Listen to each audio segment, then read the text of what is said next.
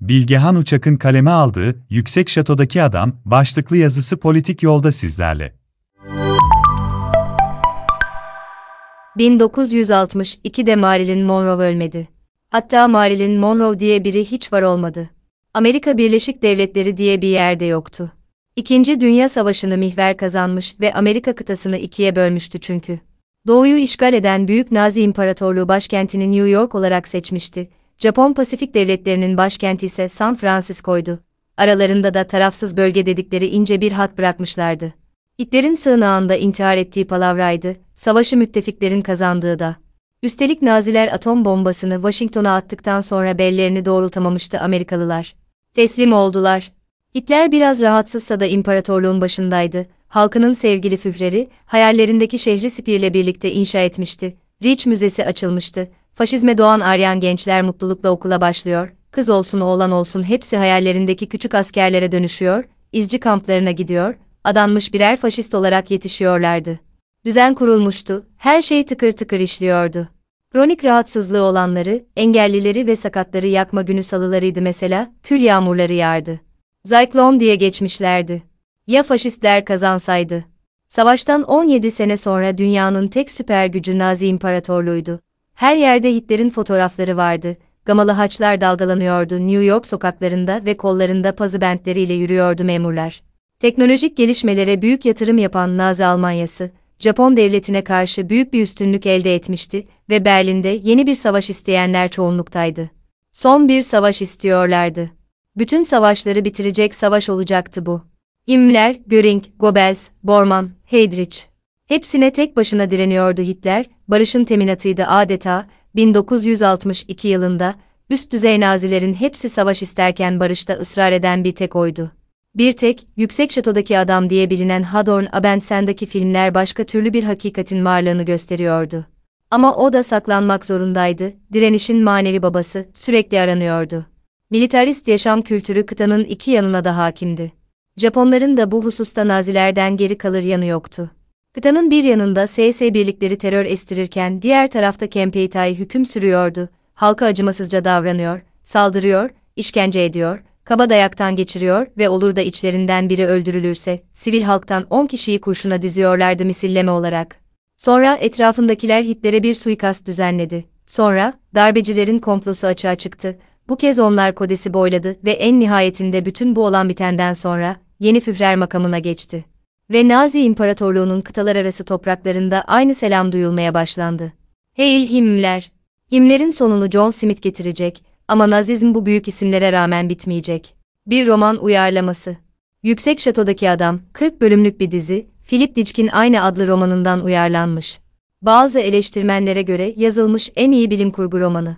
Benim bilim kurguyla uzun uzadıya bir alışverişim hiç olmadı, pek sevdiğim bir tür olduğunu da söyleyemeyeceğim. Ama Yüksek Şato'daki adam tam bir bilim kurgu da değil, ya böyle olsaydı diye soruyor, Kurosawa'nın Rashomon'da yaptığına benzer bir şekilde insanı hakikatin peşine düşüyor. İmler başa geçtikten sonra artık Japonya Savaşı'nın çok yaklaştığını herkes bilmektedir. Durdurmak için mücadele edenler varsa da birkaç sene içinde savaşın çıkacağı mukadderdir.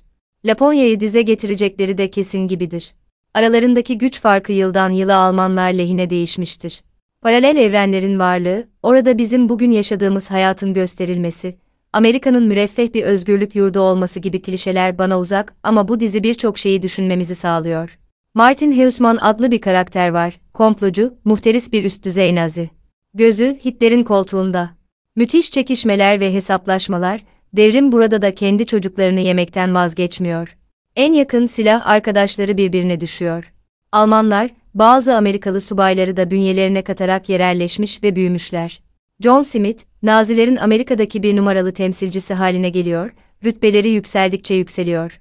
Ama John'un silik oğlu Thomas bence en akılda kalıcı karakterlerin başında geliyor. John, Hitler gençliğine kendini adamış, izci kıyafetlerini, üniformasını üstünden çıkarmayan, bir faşist insan olarak yetiştirir kendini. Samimiyetle inanmıştır faşizmin değerlerine. Ve bir gün babasının herkesten sakladığı kronik hastalığını öğrenir. Kronik hastalarda ırkın aryanlığını bozacağı için öldürülüp yakılacaklar arasındadır. Bu durumla yüzleşir, imanlı bir faşist olarak ne yapması gerektiğini düşünür ve varlığını topluma armağan etmekte bir an olsun tereddüt etmez.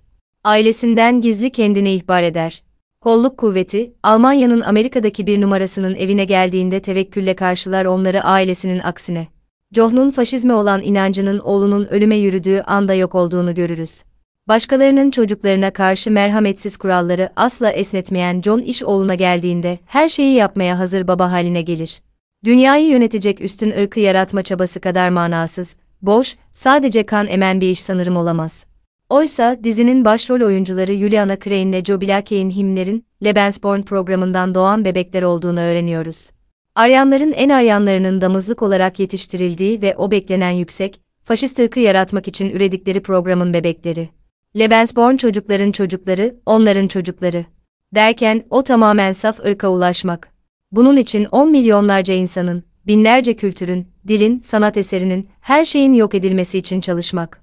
Bir ömrü bu manyaklığın peşinde geçirdiler, bereket beceremediler ama bugün hala dünyanın hemen her coğrafyasında benzer arzuları paylaşanlar var. Irklarıyla, dinleriyle, milletleriyle, mezhepleriyle övünüyor insanlar.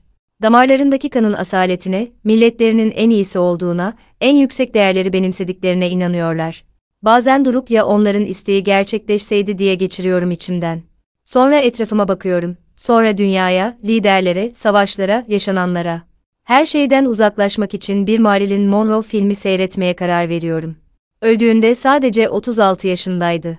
Ve ilk kadehi Marilyn'in geride bıraktıklarına kaldırıyorum.